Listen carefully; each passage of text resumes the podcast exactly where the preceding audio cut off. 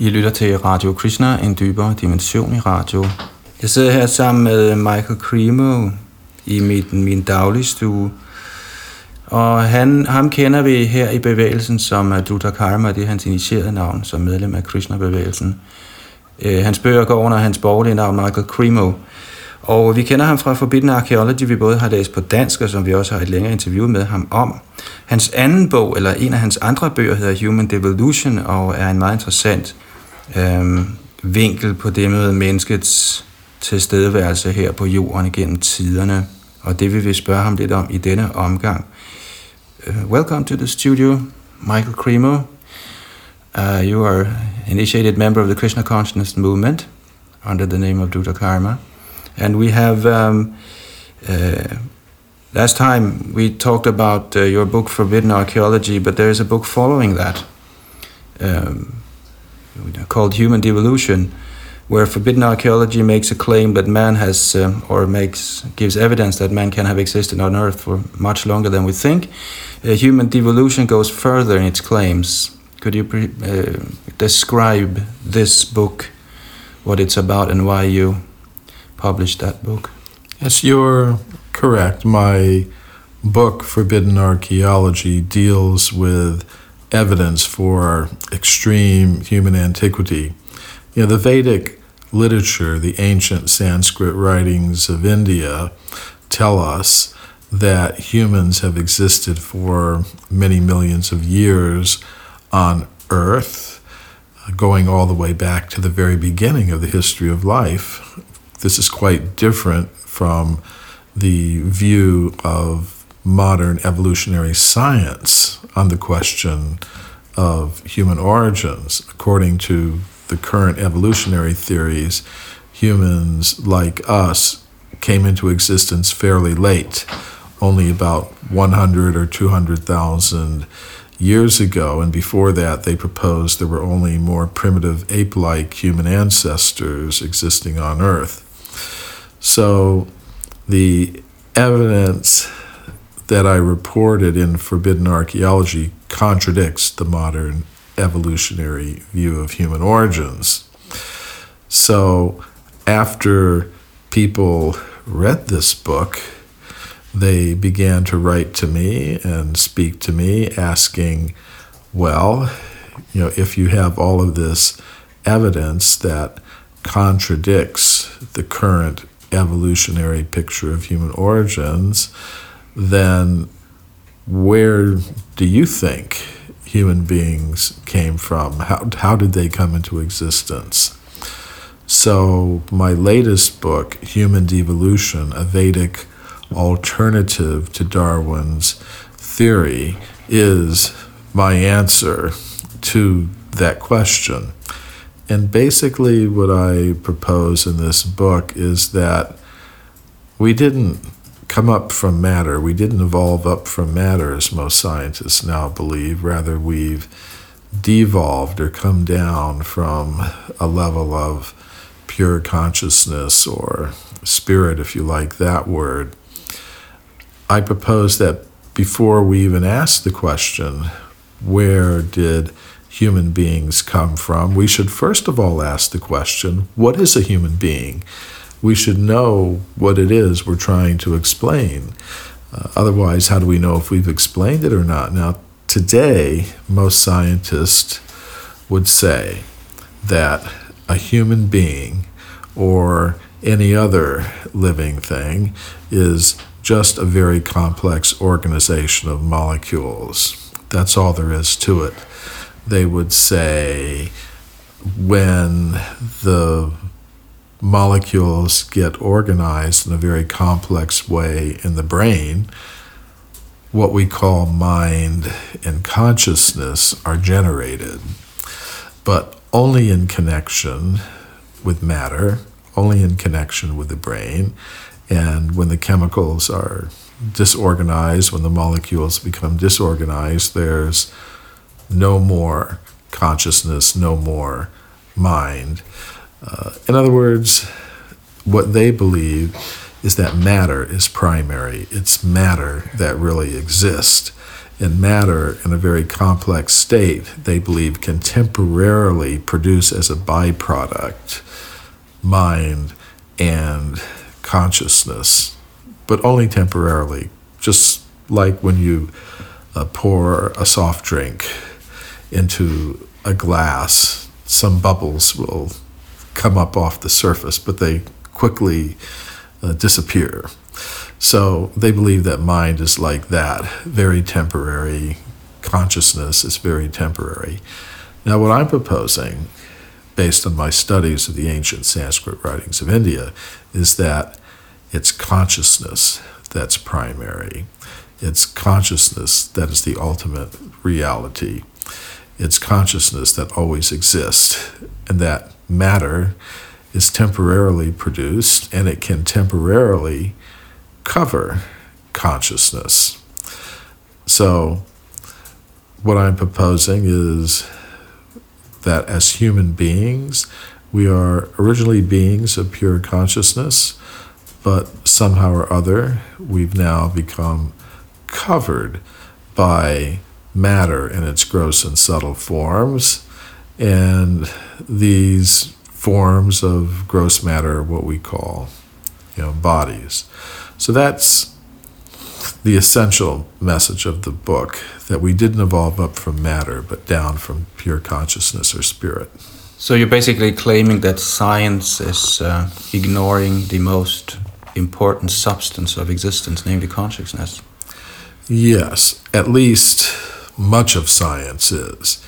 If we actually look into the history of science, we'll see that there are many scientists who have understood that there's something more to life than chemicals, something more to life than just ordinary matter. They understand that yes, there are additional substances that we have to consider, like mind and consciousness.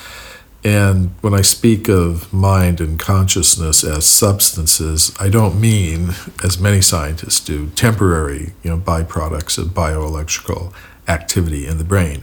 I mean real things with their own independent existence. Now, at this point, many scientists will say, well, this is not how science works. This is not how we practice scientific research. We don't start introducing all kinds of mystical, mysterious things like mind and consciousness. We we try to explain everything in terms of what we know, and what we know is matter. So we should try to explain everything we can observe in terms of ordinary matter that's science. Anything else is mysticism, pseudoscience, uh, religion, or but whatever. On what basis do they make this claim? It's just a claim, really. Well, you're right. In one sense, it's itself a metaphysical assumption about the nature of reality, but they feel it's justified because many of them uh, don't see any evidence for the existence of these independent substances that uh, we call, that I'm calling mind and consciousness. And they also have an understanding of the history of science that makes them feel justified in trying to limit science to the actions of one substance, ordinary matter. If you go back several centuries in Europe, five or six hundred years ago, let's say, you will see that scientists, intellectuals, and philosophers had a concept of reality that included many substances in addition to ordinary matter. Uh, vital substances, mental substances, intellectual substances, and spiritual substances. They were considered part of the reality that scientists studied. However, gradually they began to eliminate these extra substances over time. Uh, and they began to focus on what they could really observe and control with their material senses. In other words, just ordinary matter.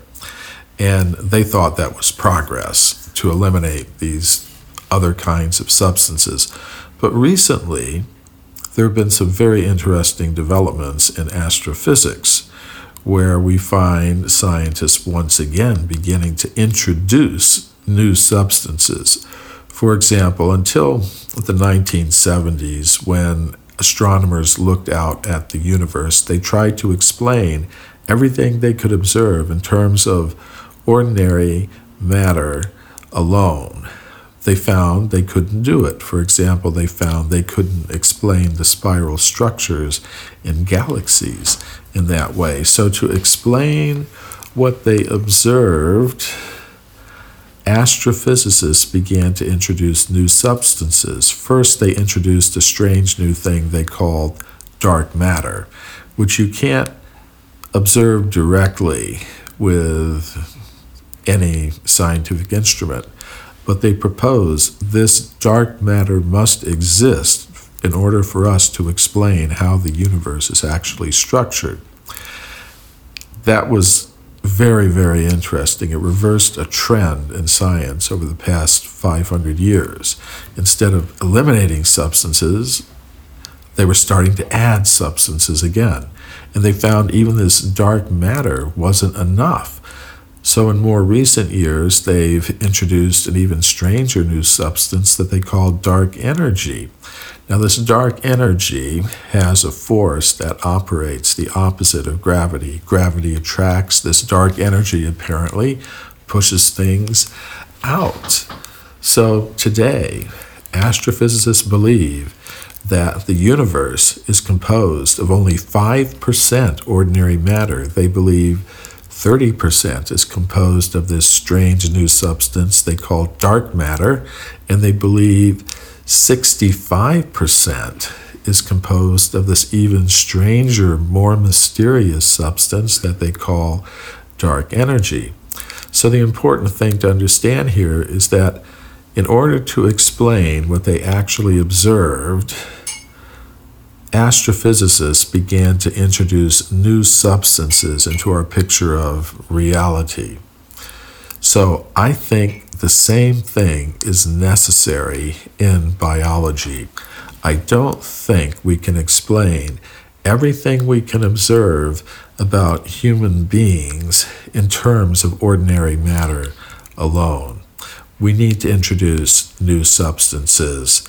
Uh, for example, this mind element, subtle mind element, which has some very unusual powers, and also the substance of consciousness. Now, I'm not the only person who's saying things like this. There was, there is a scientist at the Massachusetts Institute of Technology, MIT, Dr. Rodney Brooks, who wrote an interesting article in the scientific journal Nature uh, a couple of years ago. Now, Dr. Brooks is an interesting person. He works at the Artificial Life Laboratory at MIT. And he wrote in this article that the programs of artificial life and artificial intelligence are failing to deliver the expected results. And this is interesting because if life really is a purely material phenomenon that can be modeled in terms of the interactions of ordinary matter, then we should be able to duplicate many aspects of living things in machines like robots and in computers through artificial intelligence. Now, he pointed out that scientists thus far have not been able to produce anything that even remotely has the abilities of even a two year old child, really. So, uh, Dr. Brooks asked, What's the reason for our failure?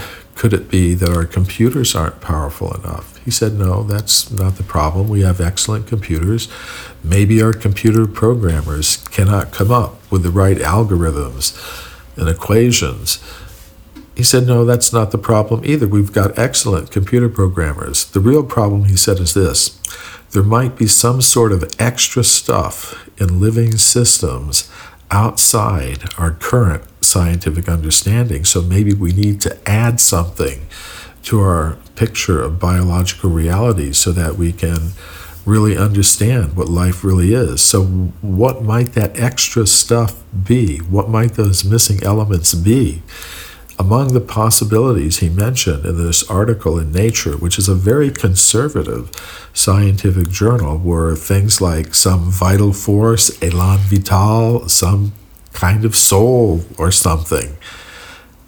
So, scientists working on the frontiers of the life sciences are starting to understand that maybe something is missing from our picture of life. Maybe we have to add new substances to our picture of biological reality. And I agree with Dr. Brooks. I think we do need to do this. I think we need to add this subtle mind element and we also have to add the element of consciousness existing as separate, independent things, independent from ordinary matter.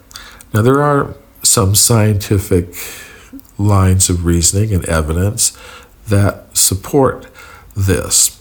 For example, let's look at some scientific evidence for the existence of a subtle mind element associated with the human organism. Uh, this this subtle mind element has some very unusual powers. Now, how are we going to talk about this scientifically? Uh, mind is something like air. We can't see air. But when air moves over a denser element like water, we can observe its effects. We can see waves forming on the surface of the water. So we cannot see mind, but many scientists have observed the very unusual effects of mind on ordinary matter. But this evidence is not very well known because of a process of knowledge filtration that operates within the world of science. I'll give an example. Every physics student learns about the work of Pierre and Marie Curie. They were husband and wife. They both got Nobel Prizes for their discovery of radium and other things in the world of physics. You'll see that in every introductory physics textbook. What you don't see in the physics textbook is that they were involved in psychical research, research into the paranormal. The Curies were part of a group of 20 prominent European scientists, including five Nobel Prize winners, who were conducting such research in Paris early in the 20th century. The group did two years of experiments with the Italian medium Eusapia Palladino. And this woman had some unusual powers. Uh, apparently, she had psychokinetic powers, mind over matter powers. So, the group of scientists conducted two years of experiments with her, and these experiments did not take place in somebody's dark living room. They took place in the Psychology Institute in Paris. Now, on one occasion, uh, they were in the laboratory with the medium. The medium was sitting in a chair. Marie Curie, the Nobel Prize winning physicist, was holding her hands. Other scientists were holding her feet, making sure she couldn't move at all. And Pierre Curie, the Nobel Prize winning physicist, said that he saw in the middle of the laboratory, in broad daylight, under what he called perfect conditions of observation, a large table floating one meter off the ground. And he was carefully measuring how high it was floating off the ground, timing how long it was floating in the air. And after two years of such results, the entire group of scientists signed a document saying these phenomena are genuine. Pierre Curie wrote letters to his prominent physicist friends saying, These things are absolutely true. We have to take them into account if we're going to have a complete picture of reality. So, this is just one example of some scientific evidence for the existence of a mind element that can act on ordinary matter in ways that we really can't explain in terms of our current laws of physics. And work like this continues to the present. I think also Alfred Russel Wallace was into Spiritism to some extent, wasn't it? Well, this is actually quite interesting uh, now that it's uh, you know, Darwin's 200th birthday and the yeah. 150th anniversary of the publication of The Origin of Species. You know, many people identify Darwin's name exclusively with the theory of evolution by natural selection. What many people don't realize is that there was another scientist who had as much to do with it as Darwin did, and this is Alfred Russel Wallace, who was a young scientist, English scientist, who was working in Southeast Asia, in Borneo and Indonesia and places like that.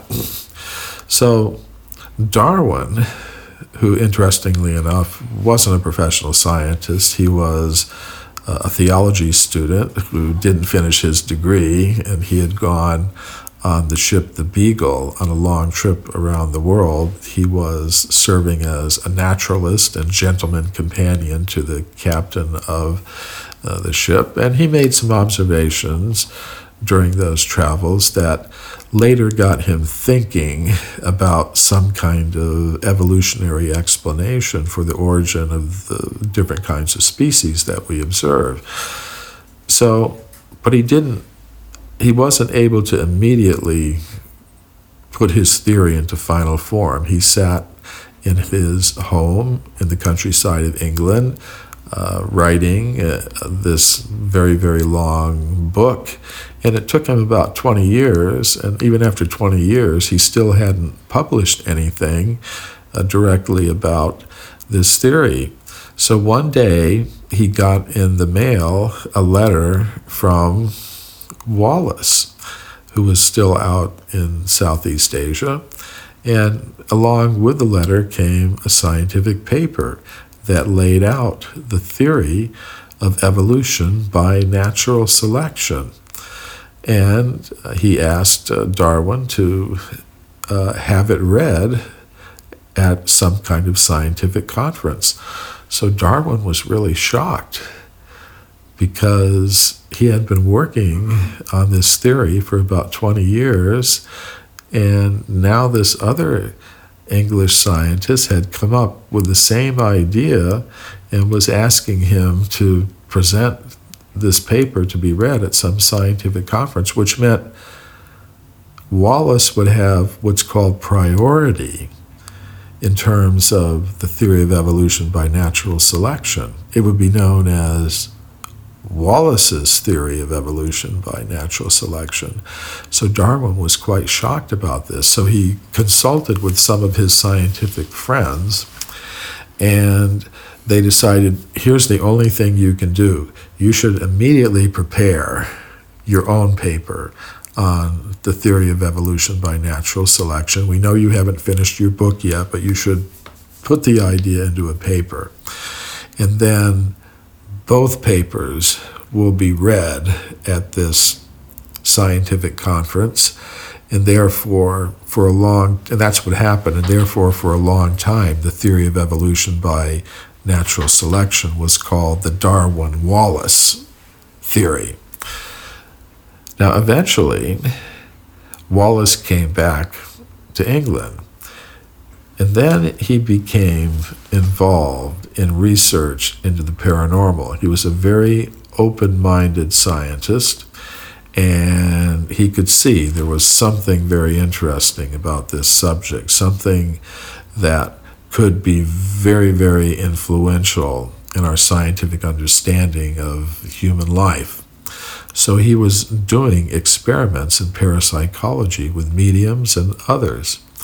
Now, when Darwin heard about this, he was shocked beyond belief. He wrote a letter to Dar- uh, uh, Darwin wrote a letter to Wallace saying, "I think you're going to kill our child." you know, the theory of evolution by getting involved in this sort of thing. But Wallace went on with his research. He was the co founder of the theory of evolution by natural selection, but he was also heavily interested in these paranormal topics. And he was joined in his research by another prominent English scientist, Sir William Crookes, who later became a president of the Royal Society, England's top scientific organization.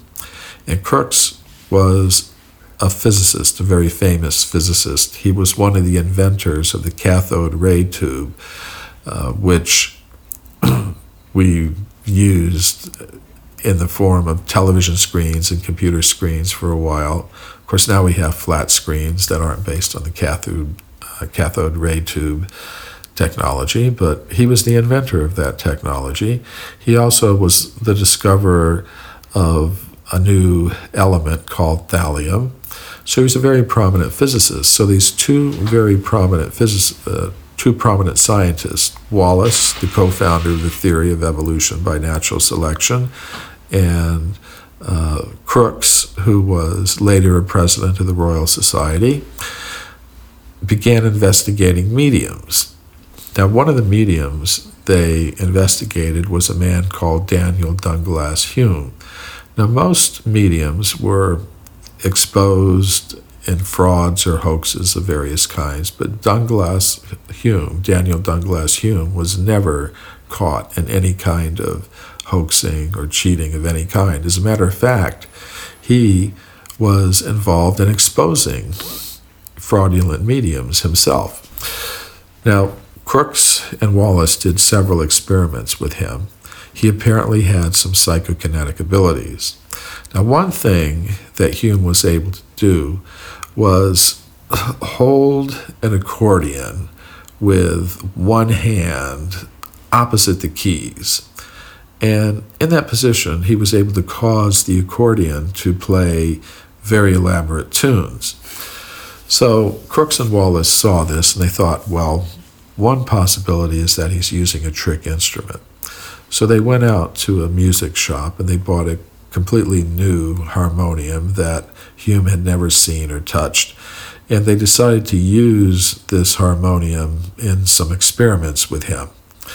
Now, another possibility they considered was that somehow or other, like a magician, using some sleight of hand, he was able to distract their attention and somehow or other get his other hand on the keys of the harm, of the accordion, causing it to play these very elaborate tunes. So to prevent that, they designed a cage in which they place the accordion and then he had to, then they arranged that Hume would have to put his right hand into the cage through a small opening and with that right hand hold the accordion at the top, you know, opposite the keys. So his other hand he had to place on the top of a table beneath which the cage was was placed. And under these carefully controlled experimental conditions, they found he was still able to cause the accordion to play. And that's not the only thing, that's not the, the limit of this. On occasions, both Crookes and Wallace observe that sometimes Hume took both hands, both hands were out of the cage, and the accordion was in the cage, floating, playing elaborate tunes with no hands touching it whatsoever. So you'd have to ask well, why would these two prominent scientists report something like that? Why would Wallace, the co founder of the theory of evolution by natural selection, and the very prominent physicist William Crookes report any such things? Did they have some kind of psychological death wish where they somehow or other wanted their colleagues to think they'd gone completely insane. I don't think so. I think the reason they reported these things is because that's what they actually observed. And a case like this also provides evidence for a subtle mind element that can act on ordinary matter in some very unusual ways. And it doesn't end with this. Both Crookes and Wallace observed levitations by Hume. Now, we know that magicians can produce the illusion of a levitation. Uh, sometimes we may see uh, television programs like Masters of Illusions or something like that, where the tricks of magicians are exposed. Now, to produce the illusion of a levitation, some kind of apparatus is necessary, some kind of help is required. Now, that's really wasn't possible in the case of Home because here's what Wallace and Crookes would do.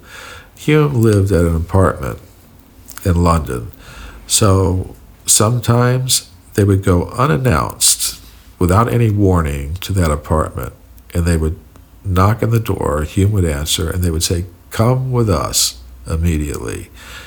And they would take him somewhere where he had never been before. Uh, usually they would go to the house of some English intellectual or scientist or philosopher that he had never been to before, where he had no opportunity to prepare any kind of apparatus, where he had no associates or accomplices to help him. And there, just standing in the middle of a living room of some gentleman in London, surrounded by dozens of people, he would rise into the air. This happened once at the house of uh, Crookes, where Home levitated in the middle of a group of scientists and others who were observing him. And Crookes felt everywhere around him, you know, checking for some kind of wires or apparatus. He found nothing. On another occasion, how how far up did he actually levitate? about a meter. Wow.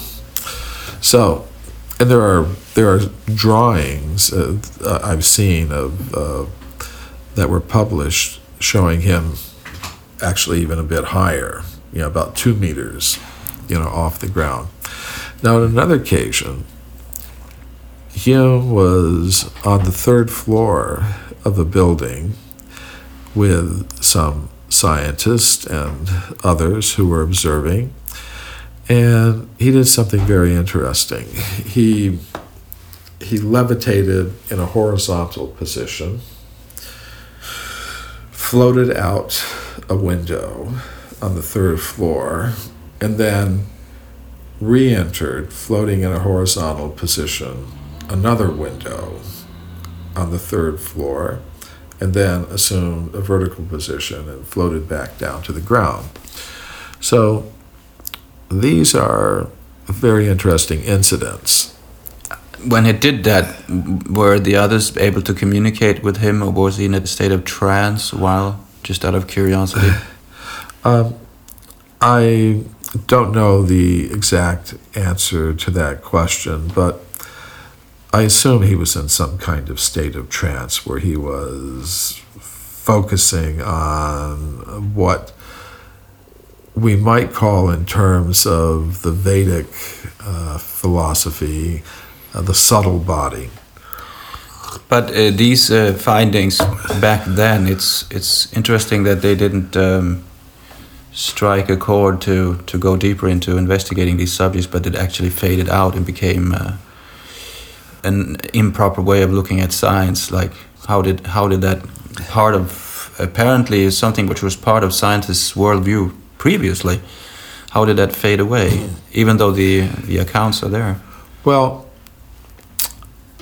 it appears that of course, research like this is still going on in another form today, which I'll talk about mm-hmm. uh, a little bit later. But to answer your question, it seems to me that World War I was a key event in the history of science. Because before that, individual scientists were basically operating fairly independently.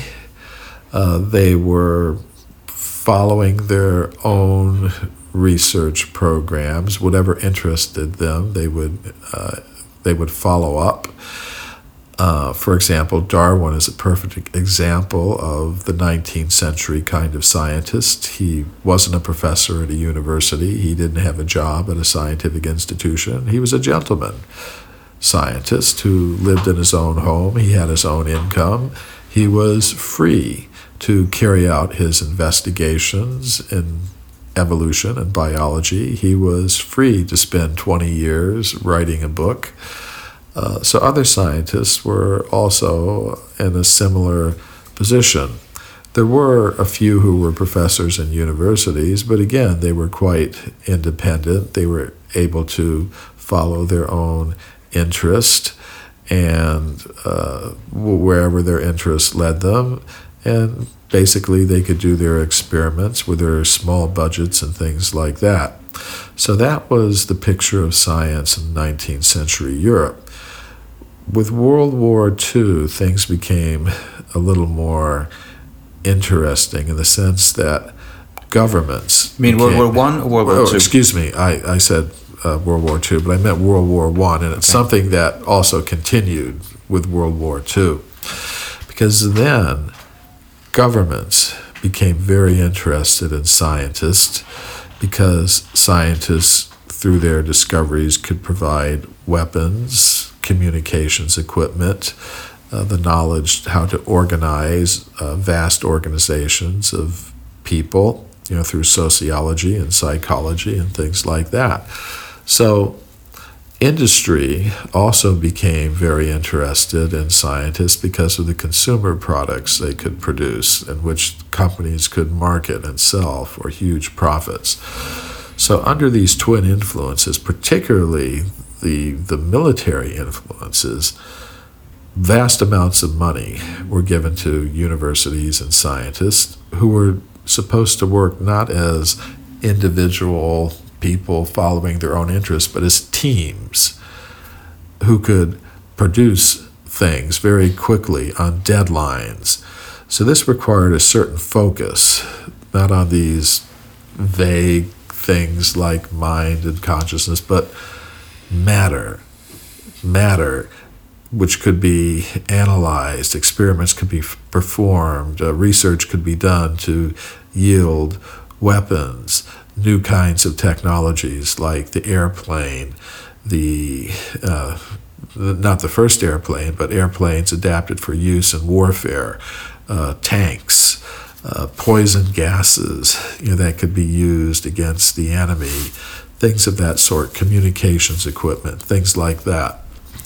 So, for that, required a high level of organization among scientists, a focus on ordinary matter that could be used to produce what the military and the corporations wanted. And I think that that's one of the reasons why this interest in these more or less uh, subtle type of phenomena uh, disappeared. Not entirely, because I'll, I'll have some things to say about this a, a little bit later, because even during the Cold War days, America, the American government, the American military was funding research and paranormal topics, especially remote viewing.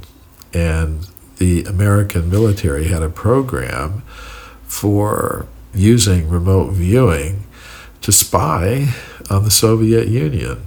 Yeah, as long as you could use it for some military right. purpose. But yes. but but how how is it that um, that even during the Cold War this was recognized that it's not like officially recognized? It seems like during the World War One that the pursuit of truth for its own sake had to be sacrificed because of political and economical reasons.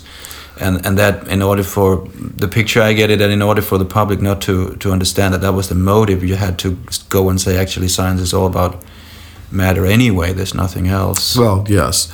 Um, but I think for the new science to function and because there were scientists yeah, there are different kinds of scientists. There are some that are what we call high level, and others that are ordinary. What I mean by high level is the ones that are negotiating with the government and providing what the government needs. They wanted scientists who weren't just independent, they wanted scientists who would work together in groups under direction for specific goals to be produced on deadlines. So they organized the training of scientists in universities to deliver to deliver those kinds of scientists. So that the the, the exclusive, so the, the yeah. idea of the more independent scientist doing whatever he liked. So excluding these uh, mystical elements became part of the collective knowledge base in, in the universities that, that this was already you know it's not practical to work with according to the Right. needs of political needs of the time, and then in this way it became unconsciously filtered away, so to speak. Yes, I think this is part of the story. Definitely, it's a big part of it. So, uh, and the corporations, they also wanted scientists to work in their laboratories to produce, you know, communications equipment, pharmaceutical drugs, uh, also perhaps weapons uh, and technologies, uh, working as teams, uh, working under direction, working as quickly as possible to produce things by deadlines. So that requires uh, you know, a certain focus, a certain regimentation of scientific work. And actually, today, you know, we see that you know most universities today have uh, large research labs that they don't run independently themselves. They run in cooperation with huge companies, pharmaceutical com- companies, for example, uh, biomedical research uh, companies, uh, government government agencies. They all have an interest in having scientists produce things uh, very quickly uh, by working in teams under direction, under tight deadlines to do things like this.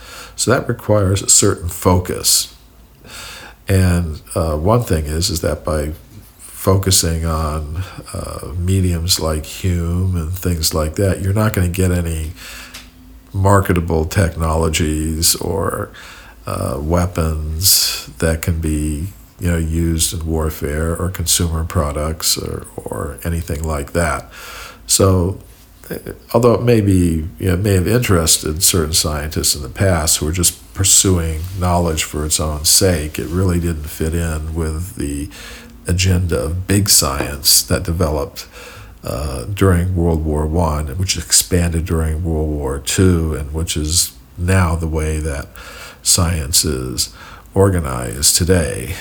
Uh, for example, at CERN, you have thousands of physicists working together on very uh, complex topics. You know, the average physics paper today has about two or three hundred authors. You know, it's not the same as it was, you know, back in the earlier days in Europe when an individual physicist like, you know, Einstein or someone like that could you know, become prominent for his own research that he carried out himself. Uh, they weren't part of big regimented teams uh, that were uh, fixed on very, very fixed, uh, on very definite goals that had that that the people who are funding the research want it done within certain periods of time. So spoken in in in, in Krishna consciousness or Varnashram terms, whenever the Brahmins or the intellectuals or those who are searching or representing the truth, they become employed and can't speak the truth freely anymore. Yes, I think that's part of it. But but it But seems as like I said, there were certain, certain. Although this is, you know, largely the case, there are, as I said, certain, certain elements of this research into the paranormal still survived all the way all along. all the way all along, but more or less underground, and more or less, if it was done openly, uh, it was more or less discouraged by the scientists who were trying to focus on ordinary matter alone. And I think there's another uh, reason why this kind of research had been discouraged because and it has something to do with the agenda that's being set for the whole human society by those who have power to do that. Who should that be? Um, elite scientists, elite government officials, elite uh, people in the corporations and the banking industry and the financial industry.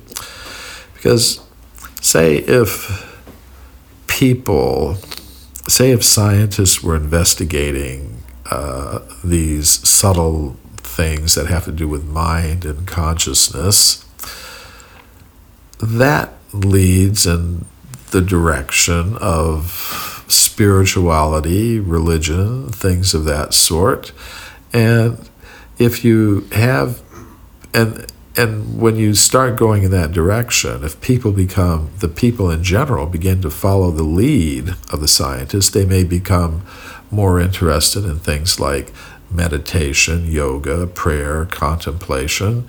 Uh, and and that is very dangerous for the kind of society that we have today, which is based on people spending all their time in the process of material production and consumption. Which you're desperately trying Which, to get us to do right yes, now. Yes, of course. Uh, uh, so if if there is any, and it's actually quite serious because if people become in the least bit distracted from the process of material production and material consumption, if they put less energy into that, that has huge economic consequences. You know, we, as we, we as we see it, uh, that if people become a little bit frightened and, be, and don't spend their money, they try to save it or preserve it, and you know, then then this has huge economic consequences. You have to have a stimulus package to get people to spend, you know, and and uh, keep purchasing those products. Uh, so there are there are huge social consequences to this sort of thing. So if people are led in, the, in a direction which would result in them putting less human energy into material production and consumption, this has this has immense implications because the whole system is based on this. This this uh, system of material production and consumption generates huge amounts of wealth, trillions of dollars. So those dollars are flowing, or not dollars, but whatever wealth in whatever form euros, dollars, rubles, yuan, Chinese yuan the, that wealth is flowing into the pockets of people. First of all, it flows towards the universities. They're getting, they're getting a tremendous amount of wealth in terms of you know these research budgets, you know, for these huge research labs that, that you now find at practically every university. Their universities are no longer institutions for training students basically they're they're they're huge research consortiums with complex uh, uh, uh, partnerships with government industry the military to you know produce weapons, pharmaceuticals, consumer products, uh, you know, the kind of research that will lead to those things. Therefore, billions of dollars are being directed towards them. And of course, part of that goes into the pockets of the individual you know, research scientists who are getting all this funding from this economic activity. And then, of course, the corporations that sell the weapons, sell the pharmaceuticals, sell the uh, products, they're they're getting a huge amount of wealth from this. The governments that are taxing all this economic activity are benefiting, you know, from this, you know, taking huge amounts of taxes, which they use to expand their activities in society, and then also the, the, the military that's getting you know, the benefit of the weapons and the technologies and the communications equipment. They like this. And actually, we ourselves, you know, the ordinary you know, consumers, we actually like it too. We like our iPods and MP3 players and fancy telephones and uh, going to the latest movies and you know, flying all over the world, going on expensive vacations to the Bahamas or here and there. And so we like it too. So we're all more or less. It's a basically a world agreement that don't don't change anything now Right. and you know to make the whole thing Right, collapse with some mystical elements. That's right, because Yeah. if if people begin focusing on developing, you know, their consciousness and their spiritual potential and uh, living more simply and naturally and things of that sort, that has huge implications. When when the amount of money that consumers spend drops by even a few percentage points, there are there are Everything is shaking. uh, yeah, yeah, everything is shaken, you know, to its very foundations. The politicians begin thinking, well, yes, we have to stimulate these people into consuming at, at their past levels. And uh, so the whole thing is based on ever increasing levels of material production and consumption. Of course, there are some drawbacks to this. We're destroying our environment, you know, by this. We're poisoning the air, poisoning the land, poisoning the water. And there's also a lot of very intense competition in the world for control of material resources like oil, for example, and or markets for selling things, and it leads to a lot of uh, conflict in the world. Conflict among individuals, classes, uh, nations, uh, even religions. It's it's It- really a pretty intense position. Yeah, we- again, we, we from the Vedic point, the Bhagavad Gita point of view, you could say you're seeing a, a, a humanity, you know, bouncing up and down between passion and ignorance, basically. Well, it's, it's interesting you would mention the Bhagavad Gita because in the 16th chapter of Bhagavad Gita, uh, which is spoken, I mean, Bhagavad Gita is spoken by Lord Krishna to his disciple Arjuna. So in the 16th chapter, uh, Krishna says uh, in Sanskrit, that's the, the Bhagavad Gita was originally know, spoken in Sanskrit, it's composed in Sanskrit. So there's a you know, Sanskrit statement, asatyama pratishtam te jagadahura nishvaram aparaspara sambhutam kimanyat kamahaitukam. So this means Krishna is explaining there's a certain class of philosopher who believes that only matter really exists. Uh, there is no soul or consciousness in, you know, independent of matter. In particular, there's no supreme consciousness or God that's guiding how matter is organized in the world.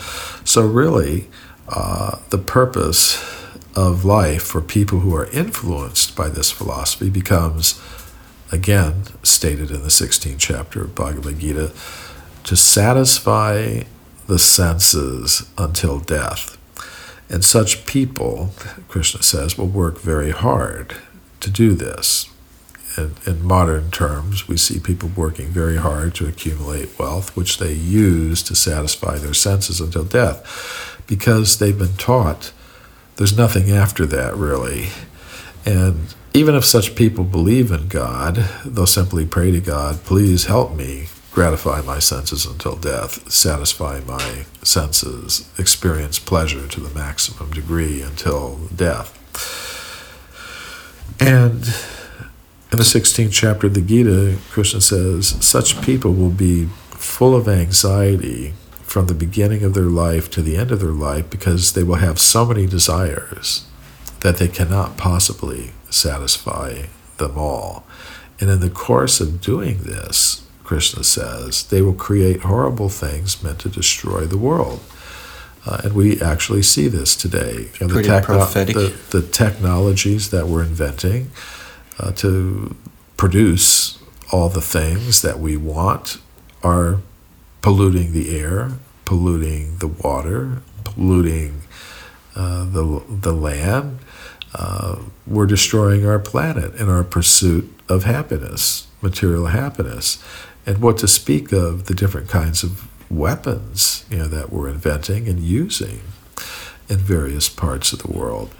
So, what if we had some different, you know, a different focus? What if science was focusing not just on matter, but on mind and consciousness and how to free consciousness from uh, its contact with matter, which seems to be limiting it and uh, subjecting it to different kinds of unpleasant circumstances like birth, death, old age, and disease. What if we understood, as the ancient Vedic people did, Aham Brahmasmi, I am spirit, and we have to be trying to satisfy the needs of spirit, the needs of consciousness.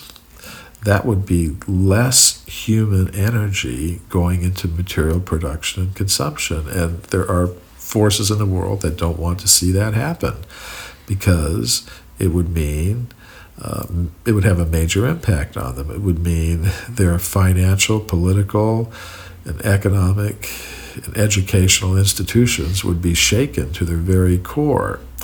So I think this is one of the reasons why uh, this kind of research and this sort of focus is discouraged, and why there's a general discouragement of, for people actually practicing uh, real spiritual life. That's looked down on very much these days. You know, but but as I heard you in the beginning, it, it seems like within science they're kind of uh, entering a uh, a dead end, or uh, there seems to be um, even within science itself to satisfy itself, so to speak, to explain its own yes. Uh, theories and its own observations. There seems to be a, a growing need to introduce other things. And, yes, and, that's and true. You, you, talk, you talked about the dark matter, dark energy, and also. Um, we see that um, the big economical project that um, materialistic science supposedly supporting doesn't really seem to work either. So we seem to be in a time of.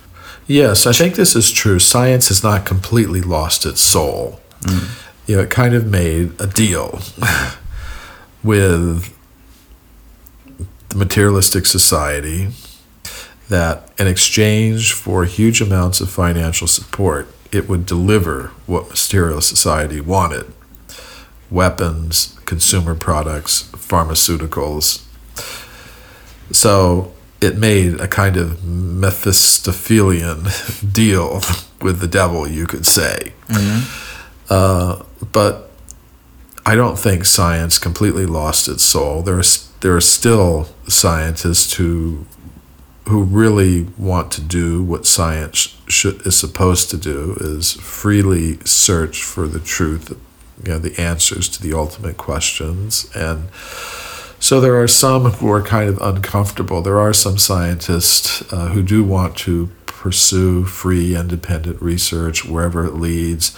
There are scientists who are uh, trying to understand very thoroughly what the answers to some very ultimate questions are.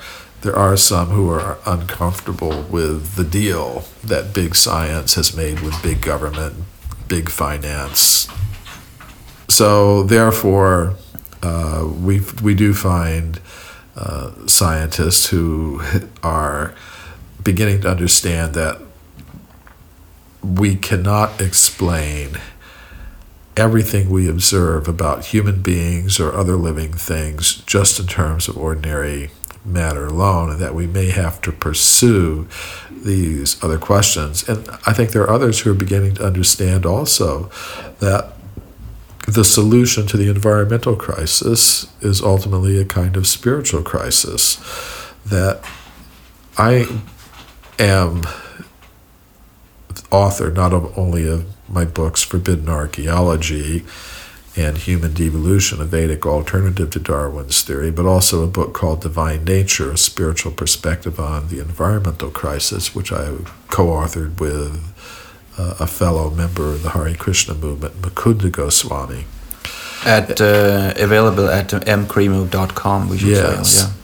Yeah. And after I wrote this book, yeah, I was invited to speak at a major international conference on the environment and population questions and things like that. And there, uh, this was a few years ago, one of the speakers was the Interior Secretary of the United States government, which is he's the minister that's or minister in the government that's responsible for environmental questions because he deals with the national parks, the environmental questions, pure water, pure air, and things like that. So uh, this was during the time of the Carter administration, and uh, the, the, the Interior Secretary was Bruce Babbitt, and I was very interested to hear him talk uh, because he said he said I know what the real cause of the environmental crisis is. It's overproduction. We're, we're simply producing and consuming too, too, too many material things. He said, I also know what the solution is. We have to consume and produce less. But as a politician, I can't say that. My party, if we told that to the American people, that you have to consume less, you have to be satisfied with less material possessions and things of that sort, our party would be voted out of office. So I can't really say that. But he looked out at the uh, audience because there were many different groups represented at this conference. There were scientists inve- interested in environmental questions, political leaders, business leaders. There were also religious leaders present. He looked at the religious leaders and he said, ultimately, this is a problem that only you can solve because only you have the power to go into people's hearts and reduce the level of material greed uh, that's there. And there was a, a very prominent physicist who was also present at this conference, and he said, Science can tell you the dimensions of the environmental crisis. We can tell you how much how many pollutants you're putting into the air. We can tell you the effects of that. What we cannot do is give a solution. Science itself cannot give a real solution to this problem. And again, he looked at you know the spiritual people there, the spiritual leaders there, and said it's, it's a problem ultimately that only you can solve by again going into people's hearts and trying to give them the insight to lower the level of greed and material acquisitiveness that's there because this is what's really driving you know this this crisis. And you know, I think they're right about that. What's really necessary is for the vast majority of people to agree to live lives of voluntary simplicity. If they want to solve the environmental crisis that's the only thing you can do. But how can you ask people to accept less enjoyment, less satisfaction. It really doesn't work unless you can give people some level of satisfaction that will satisfy them. And I think this is what real spiritual knowledge can contribute because real spiritual knowledge doesn't include just knowledge it includes practices of yoga and meditation and things like that that allow people to tap into the sources of inner happiness. Because really the conscious self is a reservoir an untapped reservoir of spiritual happiness and pleasure.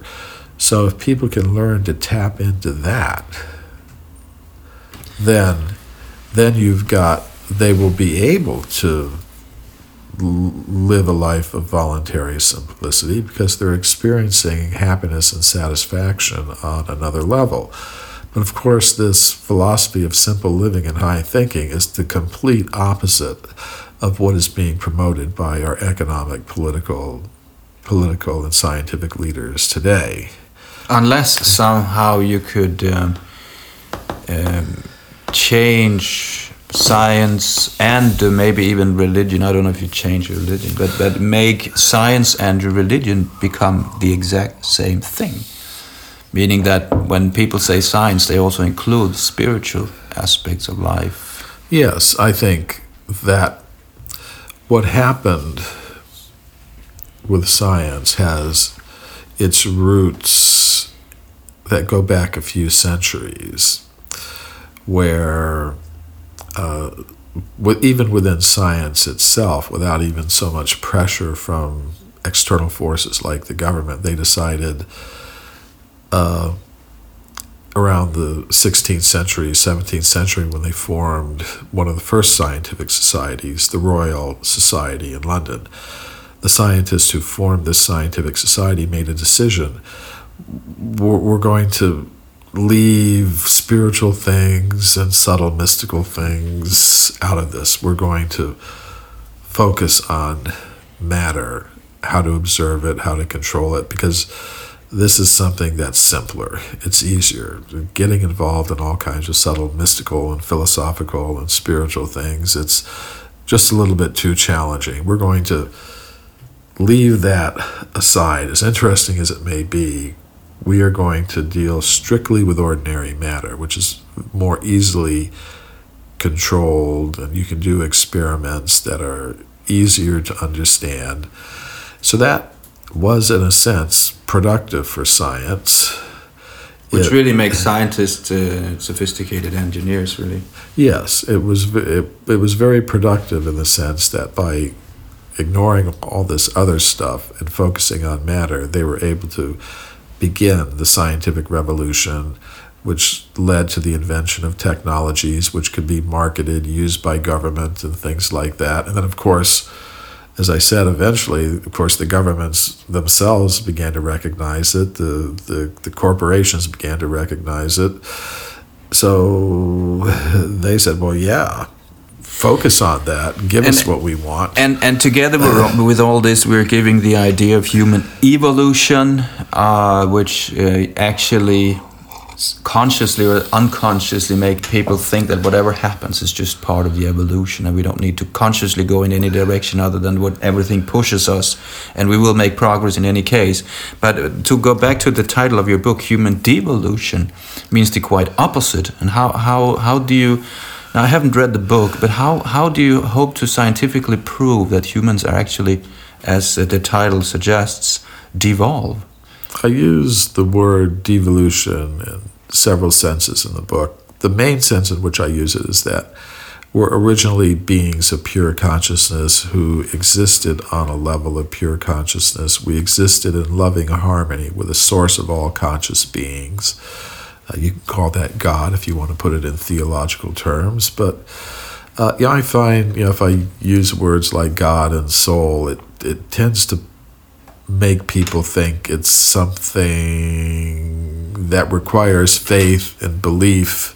It, it's not something real, but really, consciousness is the most fundamental aspect of our existence. We all experience it.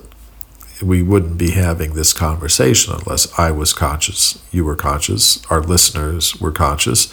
So, consciousness isn't something that requires belief or faith. It's something that we all experience on a very, very fundamental level.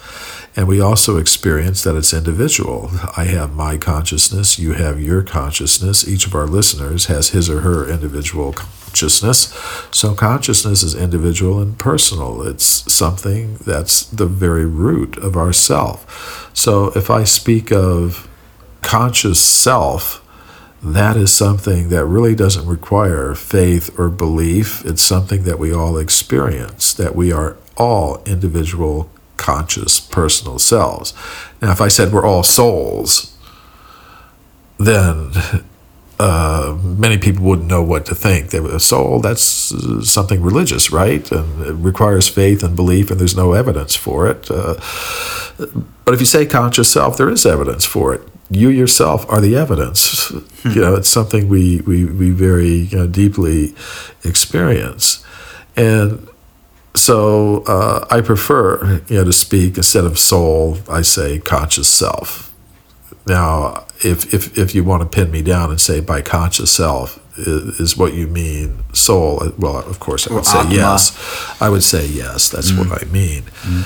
but uh, you know, sometimes if we use that more theological language, then, yeah, it triggers people's uh, prejudices yeah. into thinking in certain ways that blocks yeah. their logic, so right, to speak. Right, yeah, right. I could say that. So, so I prefer to speak in terms of a conscious self, which is something that doesn't require belief or faith. We all experience it. It's our most direct, fundamental experience of ourselves.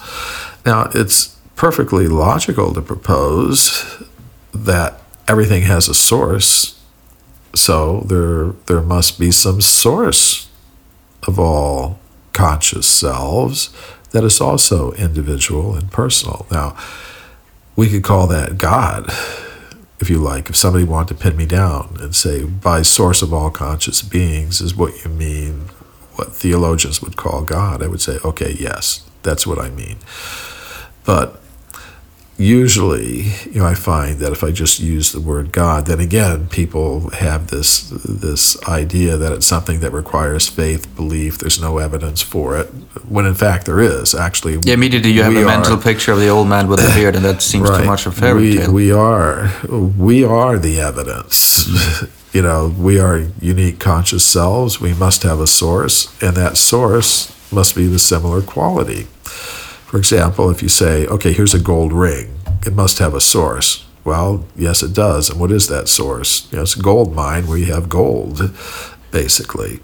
So there is a source of all conscious beings that is also individual, personal, and we are ultimately meant to live, and we originally did live in harmony with that source of all conscious beings and all other conscious beings.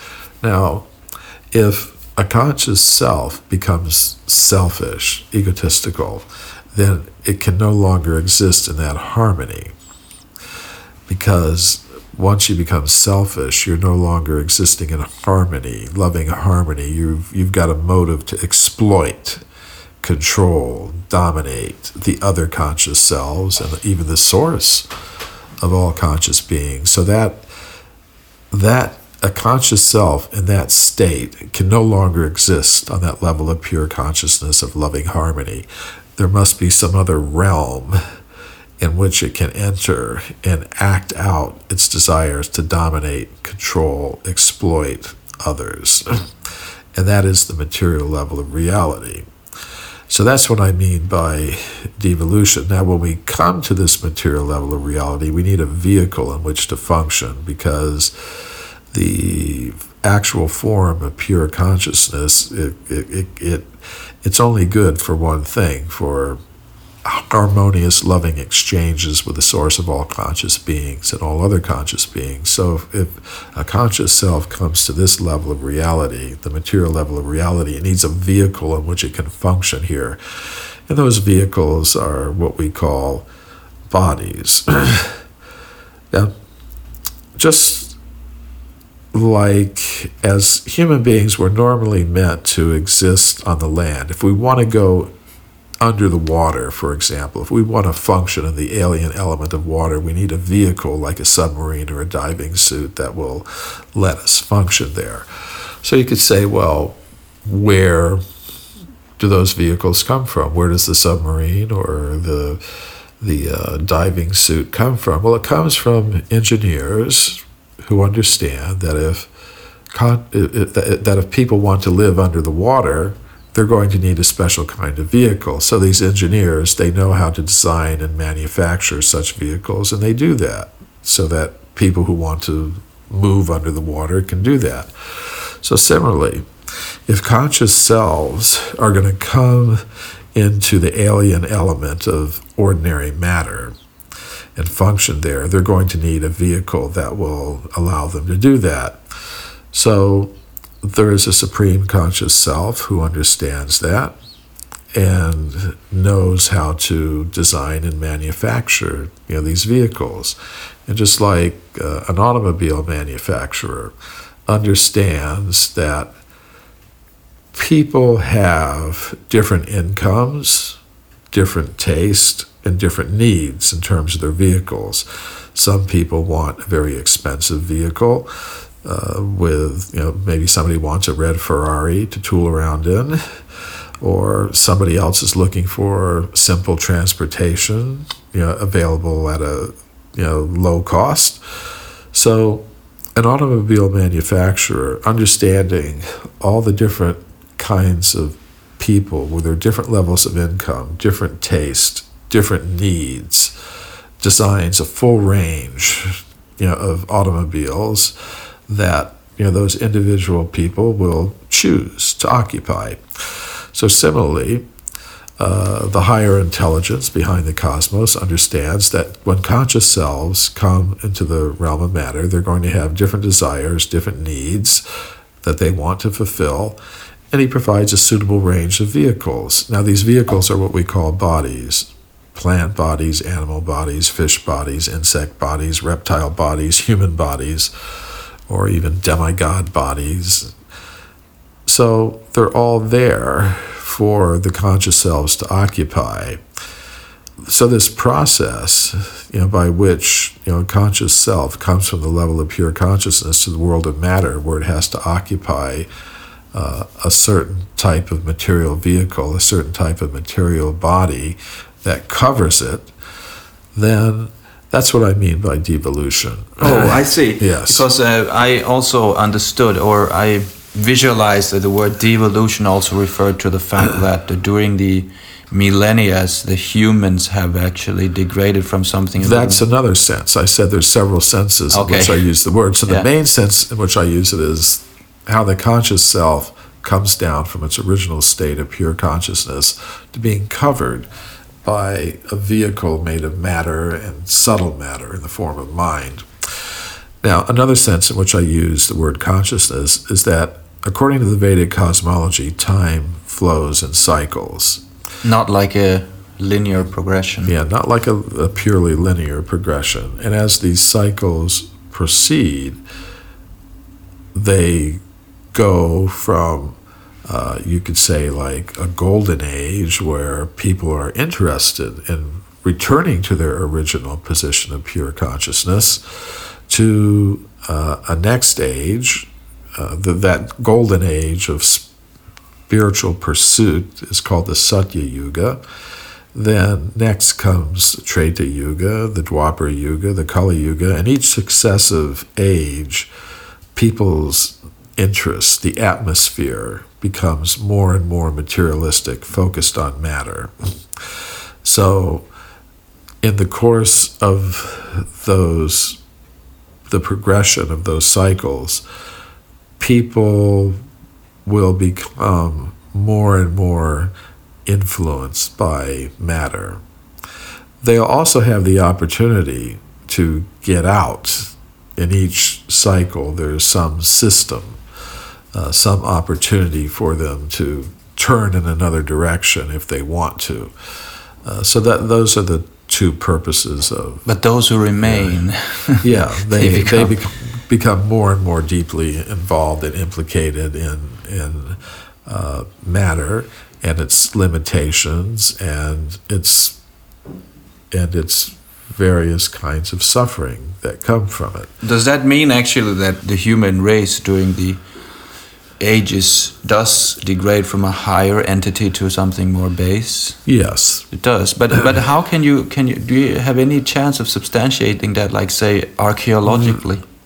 Well, that's, uh, I think, a subject for uh, future research. The main evidence we have for that now is the historical records that have been left you know, by you know, these ancient uh, civilizations. And in terms of uh, the archaeology, it may you know, be possible to show these things as well, but it would require uh, a lot more research. The evidence that I have now simply suggests that human beings, the human body of the kind that we know today, has been here for very, very long periods of time. Uh, it's not, we don't see a progression from ape and monkey to human beings, I mean, to ape men, apes and monkeys to ape men to human beings. What we find as we go back in time in the archaeological record is that human beings have always been there in one form or another. Now, to determine the exact levels of their culture and civilization and things like that is, I, I believe, a topic for further research. Because uh, one claim Yeah. from the Vedic literature is that if you go back to Satya Yuga, which is well Yeah. some time ago, one thing we, we learn is that in in civilized Vedic cultures, the body was burned, so there's very little chance of many bodies surviving. But we also hear that they were larger, they were taller, quite much so. And and if anything was found from that time, you would expect it if it should support the Vedic account, expected those bodies to be quite tall. There are reports of human skeletons of large size being found. Uh, the reports, however, are not from the scientific literature, which makes them difficult for me to use in the, the interactions I have with the scientific community. Uh, but uh, such reports are there. They tend to be found in newspapers and other types of literature, which tell us that in such and such place, miners found a huge human skeleton, you know, five meters tall or something. There are like reports that. like that. There are reports like that. Oh, I see. Uh, and this is consistent with what the Vedic literature says, also with what the Bible says. For example, it tells the beginning that, of the Bible, yeah, there yeah. were you know giants, And also that Uh, people used to live up to a thousand years. right? Yes. Yeah. So, uh, but the problem with these reports is, at least for me, in trying to uh, change the ideas of the scientific community, is that these reports are not in the scientific literature. Now, I recall once uh, I visited New Zealand. You know, I was invited by a businessman there to who liked my books to give some lectures in New Zealand. So I did that. I met him at the airport in Auckland, and he told me that tomorrow we're going to see something very interesting. A friend of mine, he said, from childhood, is working in the Museum of Natural History in Auckland, and tomorrow he's going to show us a skeleton of a human being over three meters tall. Now, that got me very interested because normally, you know, being from the United States, I think in terms of feet rather than meters. So there are many people in the world who are six feet tall. There are a few who are seven, you know, basketball players and things like that. And there may even be one or two people that barely reach eight feet tall. But there's no one 10 feet tall. Yeah, that'd be three meters tall. So I thought, well, this is interesting. Maybe I'm finally going to see in some kind of scientific setting a skeleton of a human being who was 10 feet, three meters tall. But we went to the museum the next day, but he somehow or other he changed his mind and wouldn't let us see mm-hmm. you know this large size human skeleton Why is that? i don't know i i can't i really It's got don't cold know feet or something. something. Mm. So, so up to this, but there are reports, you know, not from the scientific literature, but from other kinds of literature of miners and other people having found, you know, from you know several centuries ago all the way up to the present, very big human skeletons, you know, ten meters, you know, fifteen meters, things like that. So that's it's a very interesting topic, but uh, Highly controversial. yes, I'm asking also in relation with a paper that I um, that Lalitanath made me aware of um, that deals with the um, ge- geological timetable and the Vedic account.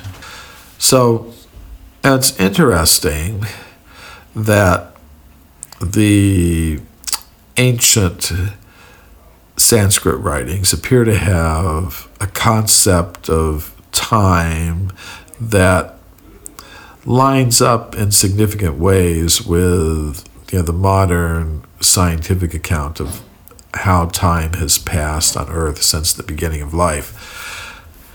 According to the ancient Sanskrit writings, the basic unit of cyclical time is called the day of Brahma or the Kalpa. It lasts about 4 billion years. It's followed by a night of Brahma that also lasts about 4 billion years, and the days follow the nights endlessly in succession. During the days of Brahma, according to the Vedic literature, life, including human life, is manifest in the universe, and during the nights of Brahma, it's not manifest. Now, according to the Vedic cosmological calendar, The current Kalpa, the current day of Brahma, the one we're in now, began about 2 billion years ago. Now, this is interesting because, according to modern science, the oldest undisputed evidence for, for, for life on Earth goes back about 2 billion years. That's the age of the oldest fossils of one celled creatures that scientists have been able to discover thus far. Now, according to the Vedic literature again, the Kalpa, or the day of Brahma, is divided into subcycles. They're called Manvantar periods. Each Manvantar period lasts about 300 million years, and there are 14 of them in one Kalpa and one day of Brahma. According to the Vedic cosmological calendar, we're now in the seventh Manvantar period, which means there have been six before us. And according to the Vedic literature, after each Manvantar period, there's a devastation after which the earth has to be repopulated. Now, this is kind of interesting because according to modern paleontology, there have been six major extinction events in the history of life on Earth, with these extinction events being spaced at intervals of many, many millions of years. So there's a kind of parallel there. According to both systems, you should expect life to begin about 2 billion years ago. Uh, modern science says that. The Vedic literature says that. Now, the difference is According to modern science, the only forms of life that should have been present at the very beginning are the most simple, single celled creatures, whereas, according to the Vedic accounts, all the different species were present. But right in less numbers, definitely. Yeah. Yeah. Must be in much less numbers from the beginning on. Yeah. yeah. So then, uh, according to modern science, there have been six major extinction events. And according to the Vedic literature after each Manvantar period. There have been six of them thus far. There's a big devastation. So both of them uh, have the idea that there have been uh, six catastrophic extinction events. Which supports the fact that the, the Vedic account doesn't necessarily just um, amount to fantasy and. Uh, yes, that's the implication yeah. that uh, some people might think, well, this is these are just fanciful writings that were invented, but these correspondences suggest something else. So, so by that you mean to say that we we could gain something by taking the old uh, wisdom accounts from the old traditions seriously. Yes, and in my dealings with the scientific world, this is what I'm trying to do get scientists to understand there may be some value in looking at these ancient Vedic writings as sources of real knowledge about the world, which could guide our scientific research in productive ways. The purpose of, of your publications is that to change the mind of science itself or more change the mind of the audience? Uh, both. I'm reaching out to both the scientific audience and to the general public. And it's something that we touched on earlier here too. It's it's not just knowledge for knowledge's sake, because I think what's at stake here is the direction of our human civilization, really. And I would like to see it move more in a spiritual direction where we have more integration of science, religion, and philosophy uh, and human culture. Because know, the goals that we set for ourselves individually and collectively depend on the answers that we give to the questions who am I? Where did I come from? If I think I'm an American man, I'm going to behave as such, and I'll have to accept the consequences of that. So, for the past few centuries, science, through its monopoly in the education system, has had the power to dictate to most people in this world the answers to those fundamental questions Who am I? Where did I come from? So, in this sense, science has had by its power to dictate the answers to those questions, it has had the power to dictate what the goals of our human civilization are going to be, the goals and values of our human civilization. So the answers they've been giving to these questions are very materialistic. They say, well, you're just another kind of animal, you're an evolved ape, really, you're just a complex organization of matter. This is what you are. So to me, it's no surprise that our worldwide human civilization has taken a very materialistic direction, and we've had to accept the consequences of setting our goals according to those understandings of who we are and where we came from. So to me, it's no surprise that most people today think that to produce and consume more and more material things is the main purpose of human life. It's also not surprising to me that our social, political, religious, uh, financial, and educational or institutions also want to encourage us in that direction. And we've had to accept the consequences of that, which means ever increasing levels of conflict in the world ever increasing levels of uh, economic uh, crisis and ever increasing levels of environmental destruction. These are just some of the factors, and on an individual level, increasing levels of psychological uh, uh unhappiness. People are more depressed than at any time in human history, it seems.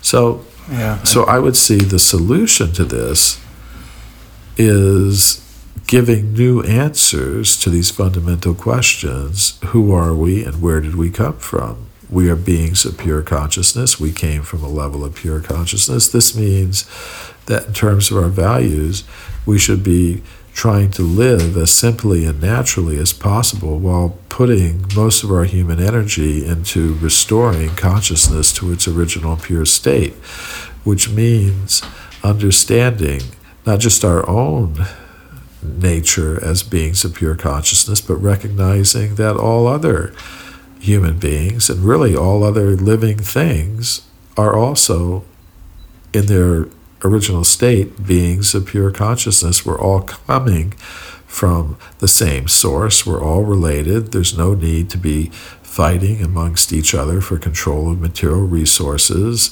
So I think the result of this new these new answers to these questions who am i where did we, we come from would have the effect of setting a new direction for our lives individually and collectively. And i think it would be a better direction.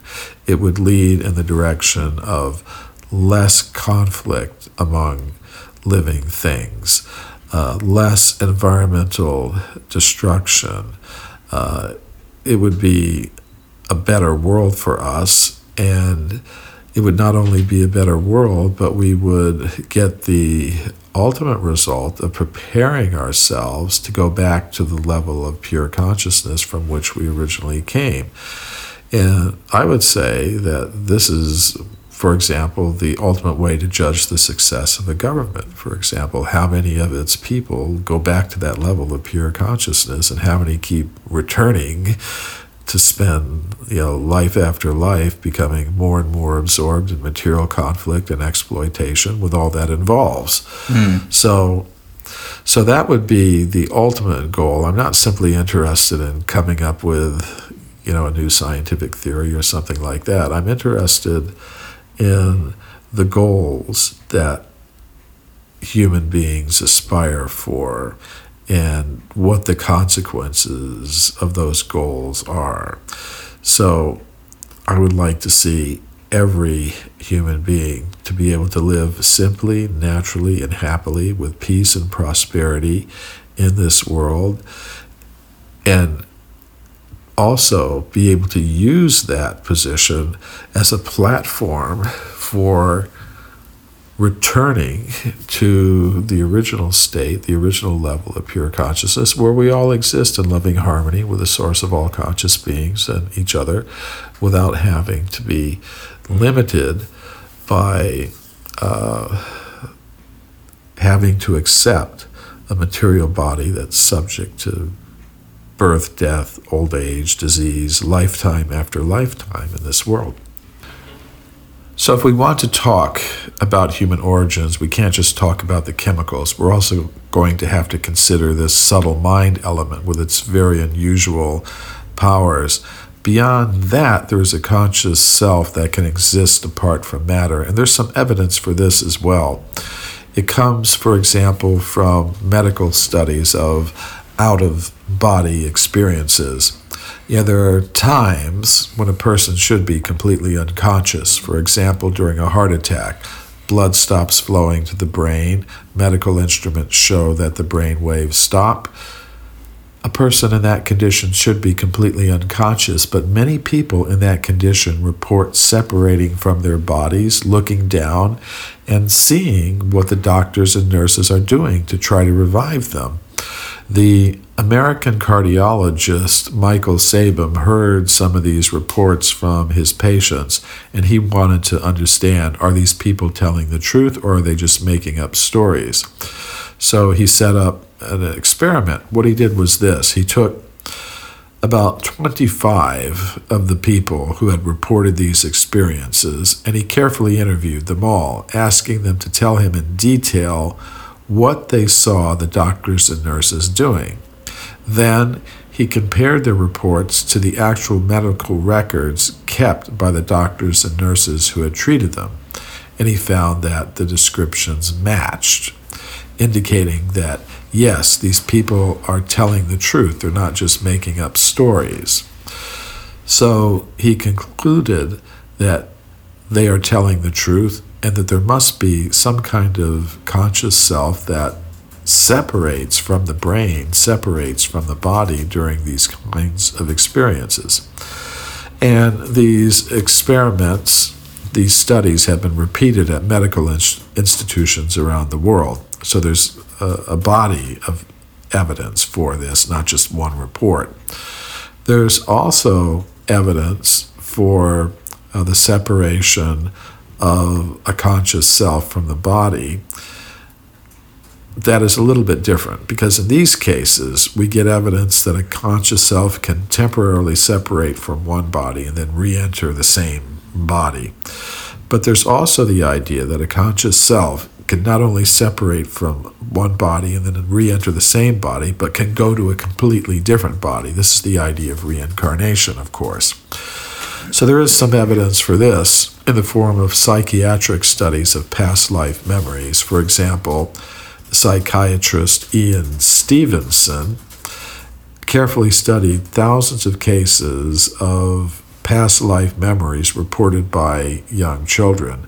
In over 800 of these cases, Stevenson and his, and his, colleagues were able to verify the existence of the person the child claimed to have been in the past life. And they weren't claiming to have been famous people. Actually, they were claiming to have been quite ordinary people who just happened to have died shortly before their own births.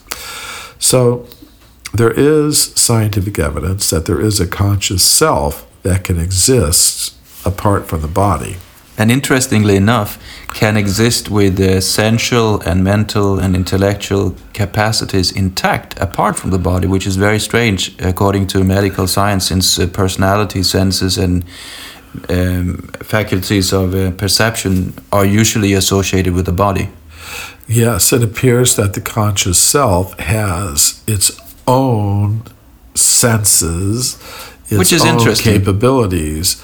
Now, in the normal embodied state, those uh, abilities are channeled through uh, the senses of the material body as well. But it appears that uh, the conscious self in its own natural state has its own capabilities. And is its own person, so to speak. Yes. Now, uh, we can perhaps get some idea of what happens in the embodied state by considering uh, virtual realities. Scientists these days have been able to create virtual reality systems in which they, for example, uh, take a person and they cover their eyes with uh, small television screens and put uh, earphones over their ears and they create a whole different reality for the person and the person begins to, to function in that reality but if you take the earphones off and the television eye screens off, then the person has their own natural sensory abilities back again. So it appears like that, that the conscious self in its original pure state has its own sensory capabilities. It's not, But- not just an energy or some. Right. And uh, but when it's placed in the the the vehicle of the material body, it gets fed another set of uh, impressions. So, so, it appears like this material world and the material body can be compared to a sort of virtual reality system that's been set up for us. What is interesting is, is that personality in itself seems to be a fundamental uh, feature of reality and not an effect of reality. Yes, absolutely. Hmm. So a human being is not just a combination of chemicals, a purely material body.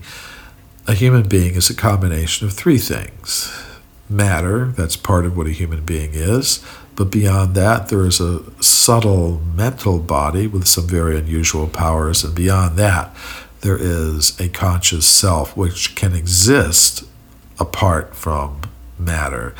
And that conscious self is not just a temporary byproduct of bioelectrical activity in the brain. It has its own independent existence and it has a source in this level of pure consciousness where it's meant to exist in harmony with the source of all conscious beings and all other conscious beings.